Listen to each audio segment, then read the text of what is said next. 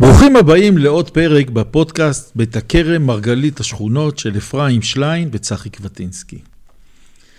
וכמו בחלק מהפרקים, אנחנו מנצלים את הידע העצום של אפרים שחקר את השכונה, וכמובן את הידע המשולב של שנינו שגדלנו פה, ולא תמיד אנחנו מזמינים אורחים אפרים.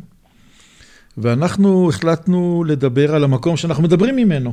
אנחנו בעצם מדברים מרמת בית הכרם, מהבית שבניתי פה, ואולי גם על זה קצת נזכיר, אבל אנחנו הולכים לספר פה את הסיפור. אנחנו קצת סיפרנו בעבר על שדה הטרשים, והזכרנו את זה באחד הפרקים, אבל אה, בואו ככה נדבר על זה היום יותר אה, במרוכז, ואתה יודע, גם למשפחה שלי יש פה היסטוריה, ותכף נדבר על ההפקעות ועל שדה התעופה.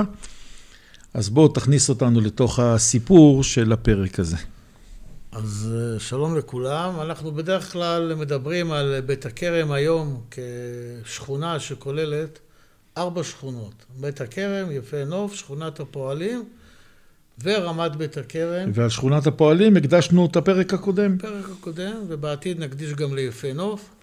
ובאמת אנחנו מזמינים אנשים לבוא ולספר לנו כל מיני ניואנסים וכל מיני דברים שיעירו לכולנו אור גדול על דברים שאולי אנחנו לא מכירים. ואם בפעם הקודמת אה, דיברנו על שכונת הפועלים, שאמרתי ככה, שכונה שנולדה בגלל כוס חלב של משפחת יגאל, אז בעצם שכונת... אבא שלי, דרך אגב, אני חייב לספר לך, שאבא שלי ממש התרגש, ואתה יודע, בשבילו זה היסטוריה, בגלל שהוא גדל על ברכיהם של אה, יגאל ואשתו. וסיפר לי גם את הסיפורים והשלים לי, אז מטורף. זה יהיה עוד פרק שאתה אחראי אליו. אבל שכונת רמת בית הכרם, שאנחנו מכירים היום, שקמה ברובה בשנות התשעים, היא קמה בגלל שדה תעופה. ובעצם, עם קום המדינה, וירושלים שנקבעה כבירת ישראל, שדה התעופה של ירושלים, שהיה בקלנדיה, עטרות, נסגר, כי זה היה בשטח ירדני, והנאיביות של הקמת המדינה אומרת שאם ירושלים היא בירת ישראל, חייב להיות בה שדה תעופה. כמובן שאנחנו מדברים על ממדי תעופה ומטוסים וכמות נוסעים, שהיום זה בדיחה לעומת מה שיש במדינת ישראל. והמחשבה הייתה שהמטוסים שיגיעו מחוץ לארץ, לשדה התעופה לוד, עוד לא קראו לזה נתב"ג, שדה התעופה לוד, חלק מהנוסעים יצטרכו להמשיך לירושלים בטיסה, וצריך להכשיר כאן שדה תעופה. אז למה אני זוכר, אפרים, בתור נער, או בתור ילד, את גבעת שאול, את שדה התעופה? אז בינתיים, לא, שדה תעופה בגבעת שאול, בכנפי, רחוב כנפי נשרים, כן. זה היה כבר, פעל גם בתקופת אה, תש"ח, כמטוס, כשדה תעופה למטוסים קלים, אבל עכשיו שעסקו בתכנון העיר ירושלים, בירת ישראל, כבר בתוכנית הראשונה, תוכנית ראו, ב-1952 מסמנים את השטח הזה כאן, את השלוחה, נקרא לה שלוחת יפה נוף, שאם אנחנו יודעים גם היום שבצד אחד יש לנו את הנחל, את הוואדי, שבו עובר היום כביש בית, שהוא נקרא נחל רקפת, שבו התמקם שערי צדק, אם לוקחים משדרות הרצל, יש בעצם ואדי שהלך עד ההתחברות לנחל רחביה, היכן שכביש בית פוגש את כביש בגין. ומהצד השני היה את בית הכרם עם אה, עמק ציון, ועל השלוחה הזאת אמרו נקים את שדה התעופה של ירושלים, מטוסים של 16 נוסעים, אז מי שיגיע מחוץ לארץ ללוד יוכל להמשיך בטיסה לירושלים. שדה תעופה זה לא פשוט לתכנן, כי אתה צריך אה, מישור נחיתה ומישור המראה, ובדרך כלל צריך שהם יהיו בכיוונים מנוגדים, אבל כאן היה גבול, ומאז אמרו, בסדר, המטוסים יגיעו ממערב וינחתו ממערב, ואנחנו ניקח את השטח הזה ונתכנן בו שדה תעופה. אפילו כהכנה הטילו מגבלות בנייה על יפה נוף. שאמרו, יפה נוף היא השכונה שמעליה ינחתו המטוסים. צריך גובה. אז צריכה שהבתים יישארו נמוכים. וככה התחילו להכין תוכנית בניין ערים לשדה התעופה, יש לנו את התוכנית. שהוא מתחיל מאיפה, השדה תעופה? שהוא מתחיל ממערב, מהאזור של אה, היום המתנ"ס, כאילו המגבלות בנייה, לא לבנות שם בתים, איפה שהמגרש כדורגל וכל השטח הזה, עד אה, שולי הגבעה שאנחנו נמצאים למיטב זיכרוני זה גם האזור של יד שרה שהיום נמצא. רגע, תכף אני אגיד לך איך יד שרה נולד, או התאפשר. ואז אה, עשו תוכנית אה, בניין עיר, שהוא, קראו לה אפילו תב"ע 965. תקליקו באינטרנט תב"ע 965, תקבלו את המסמכים, את ההוראות, את התסריט של התוכנית, והיא אושרה ב-1966. ואפילו אנשים שעבדו על צוות תוכנית האב של ירושלים, האחים השמשוני ואליעזר, ואליעזר, יוסי שוויד, שגר עד היום באחוזת בית הכרם, הם אמרו שזה לא מתאים לשדה תעופה, כי בינתיים קמה גבעת בית הכרם, קם שיכון חיסכון בבית וגן, זאת אומרת, כל העניינים הרגילים של רעש משדה תעופה, הוא לא מתאים. ואז פרצה מלחמת ששת הימים, וחזר שדה התעופה קלנדיה לירושלים, עטרות, כמו שאנחנו מכירים אותו, וב-1969 ביטלו את התוכנית של שדה התעופה כאן. אבל בינתיים הספיקו להפקיע אדמות, בין השאר כן, למשפחת כן. קבטינסקי. אז תכף ניגע לגבי ה... נחזור תכף לסיפור של, ה... של ההפקעות. כי בינתיים נשאר לנו, בתור ילדים, שדה טרשים, שדה קרסט, מלא סלעים מחוררים, עם נקיקים, עם שלוליות, עם שפע של אה, אה, צמחייה. ואז אני אחזור לימים הראשונים של בית הכרם. בימים הראשונים של בית הכרם אני אביא מהזיכרונות שכתבה רות יולס, שאני כל פעם נהנה לחזור למה שהיא כתבה, והיא אמרה בזיכרונות שלה, בימי השמש בחורף יצאנו לשדות שמאחורי חורשת ביאליק, כי בית הכרם נגמרה הרי איפה של רחוב המייסדים. אז כל השטח, גם של רחוב ברכיהו, שילר, כל האזור הזה היה מלא סלעים, כמו השטח של רמת בית הכרם.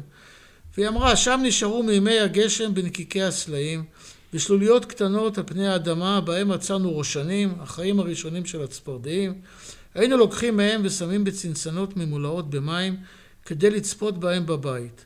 שמעון, אחינו הקטן, היה משיט בנקיקים הגדולים שבסלעים מקלות קטנים, או סירות שהיו מגלפים מעץ או עושים מנייר. תראה איזה ילדות של פעם, איזה או... דלות ב... בחומר ואושר. הרי זה בדיוק זיכרונות הילדות שלי, אפרים. הרי אני גדלתי ברחוב ברכיהו, שקודם כל הגעתי אליו, עוד לא היה מדרכה, לא היה כביש. סללו אותו רק אחרי שאנחנו נכנסנו לשם. אבל אני זוכר איפה שהיום בעצם יושב המרכז המסחרי, שם הייתה השלולית הענקית, הייתה כמו ביצה כזאת, היא הייתה ענקית, ובאמת שם היינו אוספים ראשנים, והיינו עושים רפסודות כאלה קטנות. והיינו משיתים אותם, זה היה דבר, מרכז העשייה שלנו. אותו דבר, מה שאתה מספר לי על הרפסודות, סיפר לי, אמרתי ביום שישי, פגשתי את החבר שלי, רוני בן דוד, אמרתי לו, אני הולך לדבר... זה שגרנו בית מול בית. אני הולך לדבר על רמת בית הכרם, אז הוא אומר לי, שם היינו משיתים בשלוליות. ושהיינו שכנים. כן, אז זה... רוני רק גדול מאיתנו כן. בכמה שנים, אורי זה, קטן מאיתנו. זה הילדות שאנחנו מדברים עליה, שהכל שם אושר של טבע. כן? ואנחנו מהגן הילדים של אה, אלה ברמת, בגבעת בית הכרם היינו הולכים לטבע. היינו חיים בתוך הטבע, וזה, נחזור על זה גם אה, אה, בהמשך. הרי צריך להזכיר לאנשים, צריך להזכיר לאנשים שגבעת בית הכרם, שהיום אנחנו מכירים אותה, ויש אחריה את, את הרחוב והכל, זה, זה היה סוף העולם. משכן שילה זה היה כבר עולם חדש. זה היה, זה היה מין גבעה כזאת, אחרי... אחרי השיכון, והיו חונים שם באיזה תוואי צר כזה, כן. וכל היתר היה שדה. אבל בקצה בקצה של רמת בית הכרם, מה שהיה מעבר להרי החושך, שללכת אליו זה היה הליכה ארוכה, והליכה בתוך סלעים, או מדלגים על הסלעים, לא כל כך היו שבילים. בקצה בקצה הייתה חורשה של אורנים, עם בריכת מים. נכון. וזה היה יעד לטיולים בשבתות, לטיולים בצופים, לימי שדה, ככה אוספים את כולם והולכים עם התמר הכל היה לנו ליד הבית. לשם. ואותה חורשה נמצאת עד היום כשריד במגרש המשחקים שבין רחוב משה קול לחוב שמחה דיניץ, בקצה רמת בית הכרם. אפילו אני חושב ששמו שם שלט על חוות הנזיר. קראו לזה חוות הנזיר. איזה נזיר? למה קראו לזה חוות איזה הנזיר? איזה נזיר? מה נזיר? היה הרבה מאוד סיפורים, הרבה מאוד אגדות, היה קשה לבסס את זה אה, מדעית. אני חושב שאחרי הרבה שנים אה, פרופסור רות קרק וסטודנט שלה פרסמו על זה מאמר באתמול, שהיה שם בעצם איזה חלקה חקלאית שנזירי, אולי שקשור למנזר בעמק המצלבה, יכל אה, לאבד שם קצת. זה, מזה אולי בא השם חוות הנזיר. רק לא מזמן שכותב, עשינו פרק עם אחות של רות קרק, שכותב, עם נעמי. כן, מה שכותב אה, זאב וילנאי באנציקלופדיות שלו זה כנראה סיפורי זאב וילנאי, לא נזיר, אלא וזיר. ולא... בקיצור, לנו הילדים זה היה סוף העולם, והיינו הולכים לטייל לשם עם ההורים או בלי ההורים. בעיקר בלי ההורים. והייתה שם גם בריכת מים של אה, מקורות, או של... אה, עוד לא היה הגיחון, כי בסך הכל היה בעיה של אספקת מים בירושלים, ובגבעה הזאת בנו בריכה שיכלו לספק לגבעת מרדכי ולרסקו. בגלל המיקום הגבוה בגלל שלה. בגלל המיקום הגבוה שלה. עכשיו, מה שמעניין עוד, שבשבילנו, ילדי בית הכרם, זה היה סוף העולם לכיוון מזרח. ושוחחתי עם אנשים שגדלו בגבעת מרדכי המקורית, לא עם השיכונים ברחוב שחל, ואמרו, לנו, חוות הנזיר, זה היה החורשה שלנו, לא שלכם. הצפונית שלנו. זה היה שלנו. זאת אומרת, זה היה מבודד. וזה היה באמצע, לא שייך לאף אחד. עכשיו, מה, היית יושב בחורשה הזאת? לא הייתה גבעת מרדכי הגבוהה. גבעת רם כמעט, לא היה מעונות האלף, לא היה את כל הבנייה בקצה של גבעת רם, היה רק הבית ספר המבנה של הגיאולוגיה היה, והבית כנסת היו בסוף גבעת רם. ממול היו השיכונים של רסקו, רחוב שמעוני. ברחוק. בעמק למטה היו המטעים של פרי הר, ולכן היה מה שנקרא מקום טוב בסוף העולם, וגם היום מי שהולך ברמת בית הכרם שאין בה הרבה שטחים ציבוריים פתוחים, וגם אם יהיה בינוי עתידי באזור של גן השבשבת, אז הנה פינה קסומה, חוות הנזיר, ששווה עד היום, אומנם היא כבר מוקפת בבנייה. כן, אתה אומר שאין אין, אה, שטחים פתוחים, השאירו לנו רק איזה שטח פתוח באמצע שם, בין גני השבשבת. לא, אבל בין גני... בין הש... גני השבשבת יש שם שטח ענק, שבסוף שלו יש לנו גם מזכרת אה, לא רעה לטרשים של היום. נגיע אליהם, נחזור, אני מבטיח לכם שלא נשכח. רק אל תשכח שהשטח שבין שני גני השבשבת, שהיום הוא כמו מגרש עפר גדול, הוא מיועד לבינוי. כן, אבל ציבורי. ציבורי.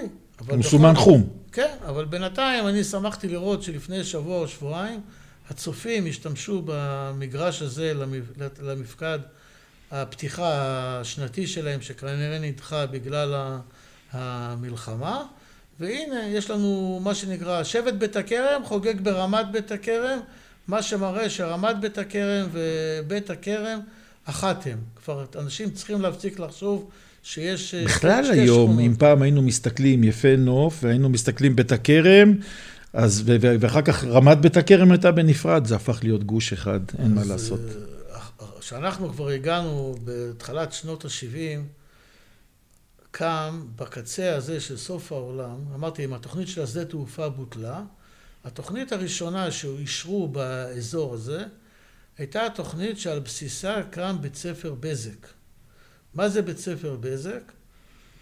זו הייתה פנימייה שבזק ניהלו אותה, ושם הוכשרו, הוכשרו הטכנאים של בזק. כן, אבל אנחנו אומרים היום את המילה בזק, מה שפעם היה טלפון ודואר. בזק היא מילה יחסית חדשה.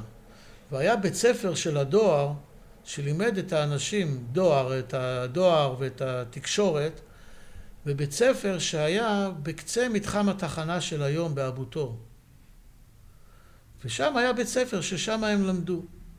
ואחר כך העבירו אותם משם אל המקום המבודד הזה, שכדי להגיע אליו היה כביש אספלט בערך מהאזור של היום בית ספר אה, זיו או הצומת אה, של שדרות הרצל, או מהכביש שהתחיל להתחבר לזאב חקלאי בשעתו, והלכו והלכו והלכו בגשם, בשמש, בכל. זה היה סוף העולם. כדי להגיע לבית ספר, ונכון, היה בו גם פנימייה, אבל היה בו גם בית ספר שחברים שלנו למדו פה בבית ספר כבית ספר מקצועי, מצאת החמה ועד צאת הנשמה. כן. כי הילדים באורט, או אחר כך הפכו למכללת אורט, עוד אחר הצהריים, היינו רואים אותם. הילדים של בזק, כמו השכן שלי, למשל, רפי גבעון, כן? ומשפחת סיילס, מוטי ז"ל, וניסים, ושמעון, וכולם למדו שם. למדו שם. עכשיו, אני אגיד לך, אני לתוך הספר אמרתי, בואו נחקור את בית ספר בזק, ככה אני יודע לספר לך. היה שם מורה מיתולוגי בשם אה, פקטה, פקטה, אני לא יודע, אתה לא יודע לכנות את השם שלו. לא הכרתי. אני מבקש סליחה מראש מכל התלמידים, אבל הוא מורה שמלווה אותם כל החיים. ואני שמעתי שאחד המורים שלימד בבית ספר של אה, בזק, עוד ב... ב... איפה שמתחם התחנה, היה מורה שקראו לו אה, שייקה רוזנברג. עכשיו, מי זה שייקה רוזנברג? אנחנו מכירים אותו בבית הכרם, כבעל של חטא ואי שלום. אוקיי. הבעל של חטא ואי שלום, ואני שנים מדבר... שגם עליה דיברנו בפרק כן, הקודם. והיא שייקה, וש... ואני שומע שייקה ושייקה.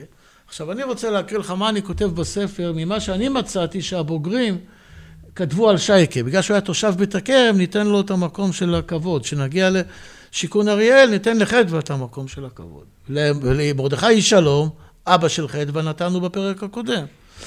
ואז הם כותבים, שייקה, שהיה גם תושב בית הכרם, לימד יותר מ-40 מחזורים של בית הספר. תראה מה זה מורה לחיים.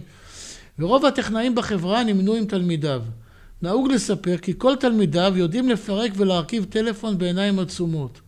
הוא היה כמו רבי בישיבה, מעיד תלמידו של שייקה מהמחזור החמישי, על הלהט של שייקה אשר סחף את תלמידיו בכיתה, כשהסביר על קווים ומרכזיות טלפון. לתלמידיו של וחבריו של שייקה נותר רק סיפור דמותו כמורה לחיים. ואני רוצה להגיד לך, שכל מי שמחזיקים את חברת בזק הרבה מאוד שנים, הם תלמידים של שייקה. ככה אומר דני רוזן, שהיה תלמיד שלו בבית ספר בזק, ולימים הוא היה מנכ"ל משרד התקשורת. ואני רוצה להגיד לך שהרבים מהקצינים של חיל התקשוב היום, וכל מערך הטכנולוגי של אה, צה"ל, וכל חברות ההייטק, נקס ונס אה, ואחיותיה, כמו חברנו אה, יוסי ארואסטי, הם בוגרים של בית ספר בזק. זה היה בית ספר שאנחנו ראינו אותם ככאלה שקוראים את התחת, אבל בעצם כל אחד מהם יצא יזם וסטארטאפיסט ואנשים ברמה טכנולוגית מאוד מאוד מאוד אה, גבוהה. אנחנו יודעים גם שהלכו שם מש, משפחות שלמות, אחים. אחד אחרי השני הם היו הולכים שם כמו משפחת סיילס. אני לא מכיר אותה, אני מכיר משפחה מ... מוטי סיילס, הוא בן גילנו, למד בכיתה שלי. ממקום אחר מחוץ, כאילו הילד הלך, לפ... האבא שלח את הילד לפנימייה ברמה גבוהה, ואחר כך את האח, וככה... זה, כן, אז כן. זה ככה על בית ספר בזק, שהיום זה מכללת עזריאלי, ואולי נדבר על זה אה, בהמשך. אבל אז אנחנו מגיעים שאין תוכנית לשדה תעופה, ביטלו אותה, רוצים להחזיר את זה ליזמות של אה, בנייה, וכשמגיעים ליזמות של בנייה, עושים תוכניות, ומגיעים לחלק של בעלי הקרקע, מי בעלי המקרקעין, ואז הם מגלים, מגלים שבעלי המקרקעין של רמת בית הכרם זה לא פראיירים. בוא תספר קצת. אנחנו כן פראיירים, אתה יודע, יש חלוקה בין הזה, לנו הפקיעו. אה, גם למשפחה וגם לאחרים, הפקיעו אה, ולקחו את הקרקע לשדה תעופה, ואתה יודע, לא ניכנס כאן לכל החוקים של ההפקעה וכל מה שקיבלו, אבל ברגע שביטלו את שדה התעופה והחזירו את הגלגל והלכו לתכנון עירוני, מה שנקרא, לתכנון של אה, בתים, היה בג"ץ מפורסם, שנקרא בג"ץ רון בן ישי, שאנחנו הגענו, הגשנו וניסינו לקבל את הקרקע חזרה, ובית המשפט, אה, בגלל החוקים ההיסטוריים של כל נושא ההפקעה, ואני חושב שהם, נעשה עליהם פרק בנפרד, אה, שום דבר לא עזר, ועל הקרקע ש... אה, על הקרקע שלקחו לאנשים פרטיים שקנו את זה במיטב כספם, עשו גם את, את, גם את השכונה וגם על חלק מזה לקחו ועשו לימים את uh, כביש בגין. Uh, אז... Uh, אבל קיבלתם איזשהו פיצוי. גרושים. בנזיד עדשים, אותו דבר על כביש בגין. אז... אבל זה סיפור, ל... לא לסיפור של בית הכרם. ניגע לעוולות ההפקעה והתכנון. מה, שלא נדבר על זה שעכשיו, על מה שלקחו בבגין, הולכים לעשות קירוי, ועוד פעם, לא, רווח, לא, לא נתחיל את קירוי. רווח למדינה, אבל לא, לא, לא, לא, לא נעשה, לא, לא ניכנס לזה. אם תסכים, אני אעשה תוכנית על, על קירוי בגין, ואני למה זה פרויקט שדעתי שלילית עליו. מצוין. אבל אני רוצה לומר שהקרקע הזו, שראו בה פוטנציאל.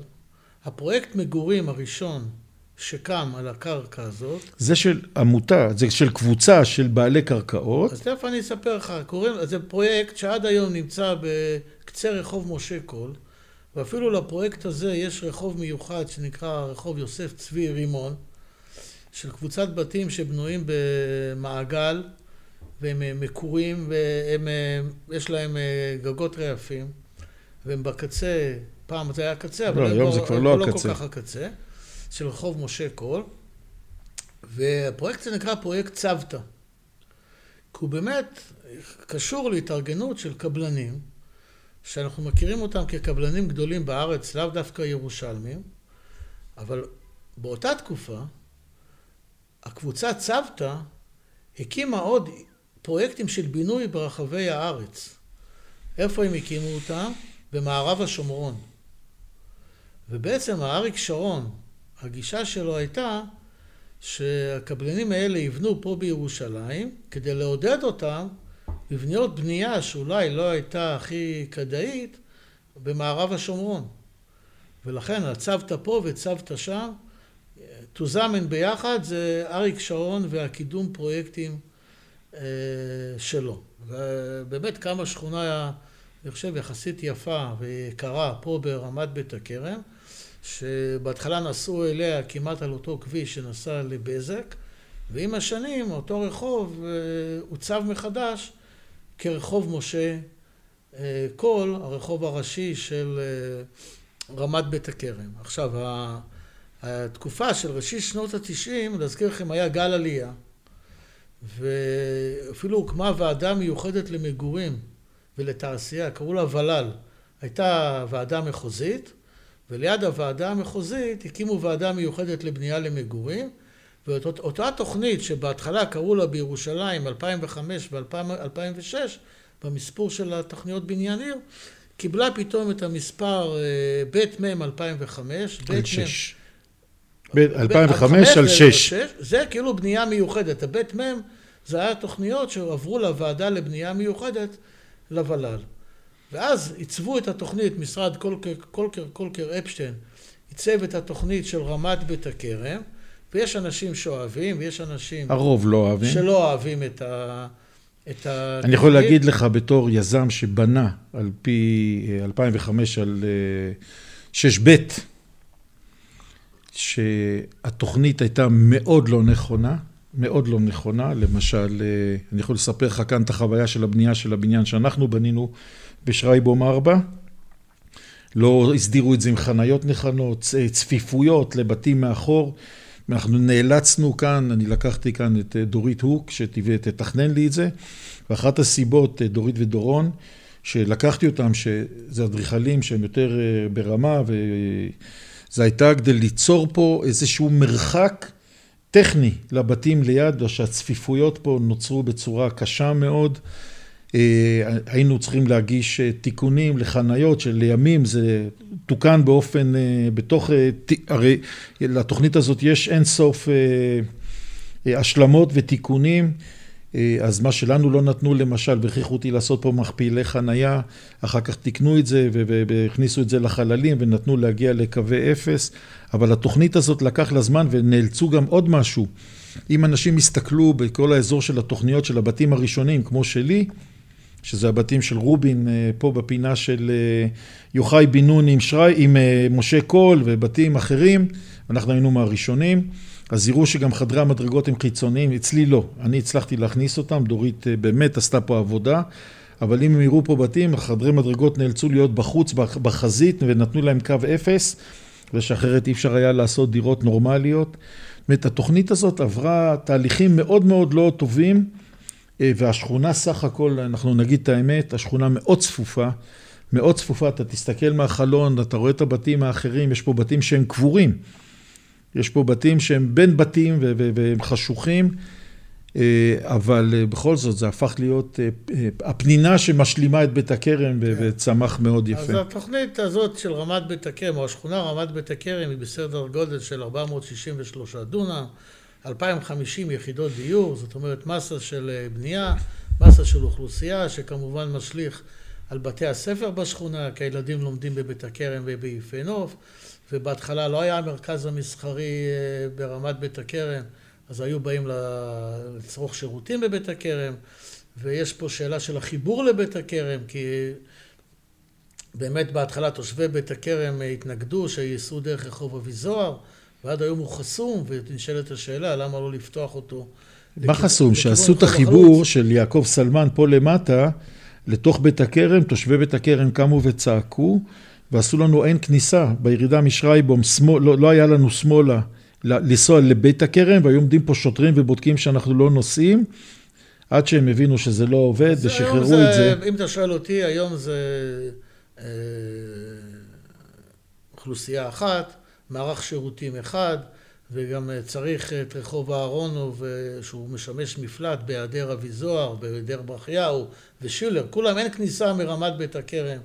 לבית הכרם, אז צריך שלפחות רחוב אהרונוב יהיה נורמלי ובטיחותי. אני, אני, אני רוצה ו... אבל להגיד משהו שאתה בלעת ככה ב, בתוך השיחה. אתה מדבר על המרכז המסחרי, הרי אחד הדברים הבולטים בכניסה לרמת בית הכרם, וזה אחד המבנים הראשונים שנבנו, חוץ מהבניינים שם ברימון, זה המרכז המסחרי של בית הכרם ובית ה... והדיור המוגן. ואני חושב שהדיור המוגן אה, עשה כאן מהפך. עשה כאן מהפך בשכונה. אה, בגלל שאחד הדברים שקרה לנו ושראינו את בתי הספר בשכונה, אה, יפה נוף ובית הכרם שאנחנו דיברנו עליהם, הייתה תקופה שהייתה ירידה, שאנחנו התבגרנו, התבגרו ילדי בית הכרם, היה פחות ילדים שיבואו לבתי הספר אה, והשכונה מאוד התבגרה, ההורים שלנו כבר התקדמו ואני חושב שהיום שנגמר, שרובינשטיין זכו והקימו את המרכז המסחרי, שגם הוא, כולם היו בלחץ, מה יעשו שם, למה זה ילך, הרי שני מטר יש לנו, אה, אז לא היה מודעות למרכזים שכונתיים, אה, הרי שני מטר יש לנו את מלחה, את הקניון הגדול, אז קודם כל הדבר הכי טוב זה הדיור מוגן שהיה שם, והרבה מאוד מתושבי בית הכרם המבוגרים, כולל אה, אימא של בן דוד שהזכרת קודם, ועוד רבים עברו, עברו לדיור המוגן הזה ושחררו בתים ונכנסו חבר'ה צעירים ובמקביל נפתחו פה הבתים של רמת בית הכרם והרבה מאוד אוכלוסייה צעירה אה, התמלאה בבית הכרם ואנחנו רואים את זה שאנחנו הולכים היום אה, א', בתי הספר מלאים, וב', שאנחנו היום אה, הולכים ביום העצמאות או ביום כיפור, שני המקרים שהשכונה הזאת מלאה ברחובות, אנחנו רואים את כמות הילדים והצעירים, וזה עשה שינוי גדול, והמרכז המסחרי הפך להיות להיט, והנה, עכשיו בונים שם עוד קומות. כן, אז אני, קודם כל אני אשלים רגע, שהתוכנית אה, הוכנה על בסיס אותו עיקרון תכנוני של איחוד וחלוקה, שאפשר להם ליצור את התכנון כפי שהם רצו אותו, בלי זיקה ישירה לבעלות על המקרקעין, אם כי, כמו שאמרת, בעלי המקרקעין המקוריים קיבלו איזה פלח ב... בתוכנית החדשה. חברת מוריה בנתה את הכבישים המרכזיים ואת השטחים הציבוריים, ואני אגיד שלגבי השטחים הפתוחים של רמת בית הכרם, כשאנחנו מדברים על החוסר, אז לפני שניגע בפנינות שיש פה, אני אגיד שבתוכנית, אחת התוכניות המקוריות גם סומן השטח של תעש כשטח בחשבון השטחי ציבור של רמת בית הכרם, ומעבר לכביש, בשטח שהיום הוא נראה לכם חלק אינטגרלי מבית חולים שערי צדק, סימנו שטח ציבורי פתוח בירידה, אם אתה יורד מרחוב בית לחוב זאב חקלאי, יש שם איזה שטח של מגרש חנייה, שהוא היה מחוץ לשערי צדק, והוא סומן כאילו כשטח הציבורי הפתוח של בית הכרם. זאת אומרת, מוסדות התכנון חגגו על רמת בית הכרם שהם סימנו שטחים ציבוריים פתוחים, שאחר כך אה, אף אחד לא יודע, ואם אפרים שליין לא אומר להם, רבותיי, זה היה חלק מהתב"ע וכל זה, אז זה גם לא תמיד עוזר. ובית חולים שערי צדק סיפח שטח מרמת בית הכרם, רק הוא לקח את החניון על השטח שלנו. בקיצור, חוגגים על, ה... על השטח שלנו. אתה יודע, אבל אנחנו דיברנו ודיברנו, ואנחנו דילגנו על דבר חשוב. אתה יודע, דיברת על חוות הנזיר, ואני פתאום רגע אומר, איפה, איפה המערה שלנו? או, לא או. דיברנו, אתה יודע, זה פספוס. זה היה מרכז של הפעילות של הצופים ושל כל הנוער פה. זה היה סוד של הצופים. כן, הייתה לנו, הרי בין אה, חגבי הסלע, מה שנקרא, הייתה לנו מערה בעומק של כמעט 14 מטר, ששם אנחנו היינו עושים את הפעילויות של הצופים, של סנפלינג, שם היינו יורדים למטה, וזה היה חלק מהפעילות של השי הלילה, הרי, או של הפעילות של השדאות שלנו. הרי היינו הולכים או לפה, או לשדה פה, כולל אה, חוות הנזיר, או שהיינו הולכים לצד השני, לשן הפיל, ליער ירושלים, שהיום אה, זה כבר חלק אה, מכביש 16, וכבר לא מזהים את מה שאנחנו חווינו שם, אז זה היה שני הצדדים שהיינו אה, עושים את הפעילות שלנו, והמערה הזאת הייתה מאוד מיוחדת, היינו יורדים בה, והיה שם נטיפים, וזה היה מאוד מאוד מיוחד. וזה היה חלק מההוויה שלנו, של הילדים. זה היה, אני אגלה לך, המערה הייתה הסוד של הצופים. נכון. והיה הייתי אסור, הצופים. היה אסור לגלות למי שלא בצופים איפה המערה. כי מי שהלך על פני השטח, לא ראה את זה. היה לו קשה לגלות את ה... זה היה נקי כזה, בתוך ה... אה, בין הסלעים. את הכניסה, כן? נכון. ואם יש שם חבל או אין חבל וכל... אני הצלחתי בזכות אה, קשריי עם אחד מבני כיתתי, כן? ועל... תגיד, היום אנחנו נקה אותו. שהוא היה בצופים, והוא הסכים יום אחד לגלות לי. ואני זוכר, ביום שישי הוא גילה לי, ואני בצהריים כבר הלכתי לחפש. הוא אמר לי, אתה מסתכל ככה על הבתים של גבעת בית הכרם, יש את הבלוק, אני חושב, השמאלי, אתה סופר איזה שלוש, ארבע חלונות, אתה לוקח קו ישר, בדיוק. ש- שמה הנקיק הזה, ובדחיל אורחים הוא ירדתי קצת פנימה, כי בסך הכל זה היה מפחיד, והיית צריך כן. גם... לא, היה צריך ללכת אנשים, שם לא לבד. אנשים שיסתכלו, אבל אני, איך אומרים... סקרן. גם את הסוד הזה אני כבר ידעתי, כן? ושלא יהיה פינה נסתרת שלא יכיר בבית הכרם. אבל אם אתה מדבר היום על רמת בית הכרם, אי אפשר שלא לדבר על גני השבשבת. כי זה מושג בבית הכרם. זאת אומרת, ה... ה... יש גן השבשבת האדום והכחול. ויש גן השבשבת הכחול, ואתה אומר גן השבשבת זה לא מספיק. והרבה פעמים ציר, המדרכה שסובבת את שני גני השבשבת, משמשת לכולם ציר להליכה ופנאי כן, ונופש, כן. וזה באמת אה, המנהל הקהילתי. דיברת איתי שנכנסת על גן, ה... גן הכלבים שיש שם. יש שם גינת כלבים, ויש שם אה, גן אה, מאוד מיוחד שפיתחו תושבים של יער המאכל, שזה פעילות קהילתית. שדיברת עליו באחד הפרקים קהילת, הראשונים. פעילות קהילתית יוצאת מן הכלל של מקרבת אנשים לטבע ולקיימות ול, ול, ול, ולאנשים לבוא ולהגיע, כי כבר הם פועלים ברשתות חברתיות אה, עירוניות וחוץ עירוניות. אתה לוקח אבל... לשם בסיורים שלך בבית הכרם? אני, אני אה, לא זוכר שעשיתי סיור לרמת בית הכרם, אבל אני רוצה להגיד... אתה יותר מתמקד בחלק לא, הישן. אני חושב שעשיתי פעם, אבל אני חייב, אני חייב לעשות גם לפה, כי הייתי צריך גם לאסוף חומר לסיורים ולדבר. אבל אחד הדברים המיוחדים שיש בגן השבשבת, וזה מחזיר אותנו להתחלה, זה הסלעים. גן הסלעים שיש בגן... אתה ב... מדבר על הפנימי, על הגן, לא על הכביש, אז, אלא הפנימי. זה כבר ב, ב, איפה שבתי הכנסת. בכל המתחם הגדול הזה, מעבר לבתי הכנסת, בחלק הכי מזרחי. של המתחם הזה שנקרא לו גני השבשבת, או של... ליד המתקנים, יש שם את מתחילה, הפינה ליד הדשא, ואז יש שם את המסלעה של פעם. עד הסוף. ואני רוצה להגיד לך שעשו את התוכנית בניין העיר של רמת בית הכרם, הגישו התנגדות, נדמה לי החברה להגנת הטבע, לתוכנית בנייה. זה לא תושבי בית הכרם היו מודעים להגן על משהו בשטח הזה שהולך לקום בו רמת בית הכרם, ודרשו להשאיר במקום הזה את הסלעים. וזה לא טעות, זה לא שחסר לנו דשא ובוא, ולמה השאירו לנו סלעים שאולי נדקרים מהם וכל זה.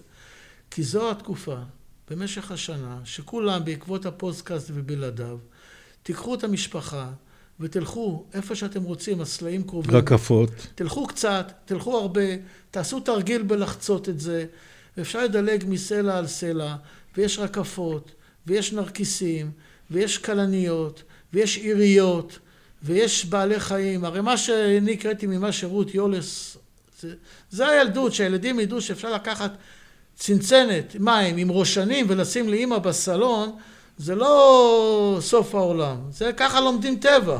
כן? אל תדאגו, הראשונים ימותו לפני שיהיה צפרדע. אבל אנחנו... למה? אנחנו גם גידלנו צפרדעים בבית ספר. אבל אנחנו, הייתה לנו ילדות קצת אחרת מה... ממה שיש היום, אבל זה החיים. זה המים העכורים האלה, יש בהם... עדיין יש שם ראשנים? זה אני לא ידעתי. אני מתאר לעצמי שאם נלך, אנחנו נגלה שם עולם שלם. תראה, פרופסור אבינועם דנין, שגדל בבית הכרם, והוא גדל על ברכי אבי זוהר ומורים לטבע מיתולוגיים, אז הוא היה מדריך סיורים ברמת בית הכרם בסלעים האלה, והיה עם החזזיות ועם התחבים, והיה פה מרטיב ופה זה, וכל מי שהגיע לסיור היה יוצא ממנו עשיר כקורח ב... ידע. בידע בוטני ו... וזואולוגי וכל מיני דברים כאלה. עכשיו, אחרי שעשו את כל התוכנית של רמת בית הכרם, ואחרי כמעט שגמרו לבנות את העיר ירושלים או לייעד את כל השטחים לבנייה, בזכות החברה להגנת הטבע ואנשים אה, מיוחדים כמו אמיר בלבן, גילו שיש דבר שנקרא טבע עירוני. שבעצם גם לאותן מטליות הקרקע הקטנות האלה שאנחנו חושבים שכבר אה, נגזר דינה, יש בהם אה, מקור אדיר לטבע עירוני. ככה ניצל אה, עמק, הצבע, עמק הצבעים. וכאן ברמת בית הכרם, השטח הזה של גינת הסלעים מסומן בתוכנית טבע עירונית, תוכנית סטטוטורית, כאתר טבע עירוני, שמוגדר, מי שפותח את מסמכי התוכנית, לכל אתר כזה יש אה, דף אתר. סוג של שמורת טבע, מה שנקרא? סוג של אזור, אזור לשימור, זה לא בדיוק... בסופו של דבר אנחנו יודעים שחלק מהאתרים האלה זה עד שהיזם הנדל"ן אה, יגיע. או עד שהיזם הנדל"ן ליד יפגע בהם במקרה, בטעות, אבל במתכוון... אה, כן, אבל שם לא אבל, לא יכולה להיות בנייה. אבל פה יש לנו אתר שהוא נקרא אתר טבע עירוני, ואני חושב שאם את כל... שאלת לגבי הסיורים שלי, בכל הסיורים וכל הספר שלי, הכל מתחיל מאגודת בוני בית. שבאו אנשים וראו את הסלעים האלה, ופה אמרו, פה נקים בית ומולדת, ואני חושב שאם נצליח יום אחד להציב שלט ליד הסלעים האלה, ולקרוא לזה גן בונה בית, אז זה הקשר הבלתי ניתן להפרדה בין הסלעים האלה, שהם הבסיס והיסוד לבית הכרם, לבין הקשר לרמת בית הכרם, שפה יש לנו בזכות הקמת רמת בית הכרם והשמירה על הסלעים האלה, נשאר לנו לספר לדורות הבאים איך בכלל התחילה בית הכרם. בזכות אותם סלעים בקצה גן השבשבת, עולם קסום, עולם הולך ונעלם, וכולם צאו לטייל בו. בקיץ, בחורף, תמיד זה ייראה אחרת. אפרים יקר, אתה יודע, זה תמיד מרתק לשבת לשמוע ממך, ואני, אחד הדברים שאני זכיתי בזכות הפודקאסט הזה, מעבר לזה שקראתי, אתה יודע, בצמא רב את הספר שלך, אתה יודע, הכל, זה, זה יותר מדי מידע, זה המון מידע, אבל כל פעם אתה מעשיר אותי, גם על המקומות שאני יושב בהם, ואין פרק, אה, כמו הפרק הקודם גם, שדיברנו על, אה, אה, על, נו, על, על, הפועל, נו, שכונת הפועלים. שכונת הפועלים, והנה אני לומד שוב. אז תודה רבה לך על העושר הזה של המידע, ועוד פעם, אני קורא לאנשים, אה, מי שיש לו, אה, מכיר אנשים עם סיפור שקשור בשכונה, בהיסטוריה של השכונה, בהווה של השכונה, משהו שיש בו עניין שיכול לעניין את כולם, אנחנו מזמינים אה, להצטרף אלינו, לפנות לאפרים. אפרים הוא ה... אני, אני המפיק והעורך, אבל אפרים הוא זה שמנהל את זה. בשכונה, כל מי שגדל בשכונה, הוא כבר סיפור לפודקאסט. כן. תדע לך, שאנחנו יכולים לדבר, נגיד, אני גדלתי ברחוב הבנאי, שלושת הבתים ברחוב הבנאי זה שיכון, שאפילו ספר נכתב עליו, אבל עד עכשיו, הילדים שם אומרים, אנחנו ילדי רחוב הבנאי, והנה יש לנו אה, הרבה סיפורים שהם ימלאו יותר משעה על מי שגדל שם, כל מיני דברים.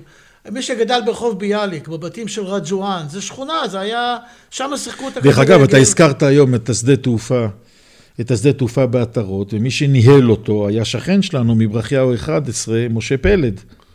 אבא של חגי ושל יובל. אז הנה, אתה רואה. תבין, אנחנו קשורים, הכל היה קטן. ומי שגדל ברחוב המייסדים שם, כל פעם הילדים היו משחקים בחוץ, וזה כבר הייתה חבורה שאפשר להתחיל לספר מי... גדל בבית הכרם והיום הוא משועי עולם ובזכות וזה כיף לנו לדבר, או חוויות או אנשים ש... כן. דמויות, אז אנחנו באמת פונים לכל אחד ואחד.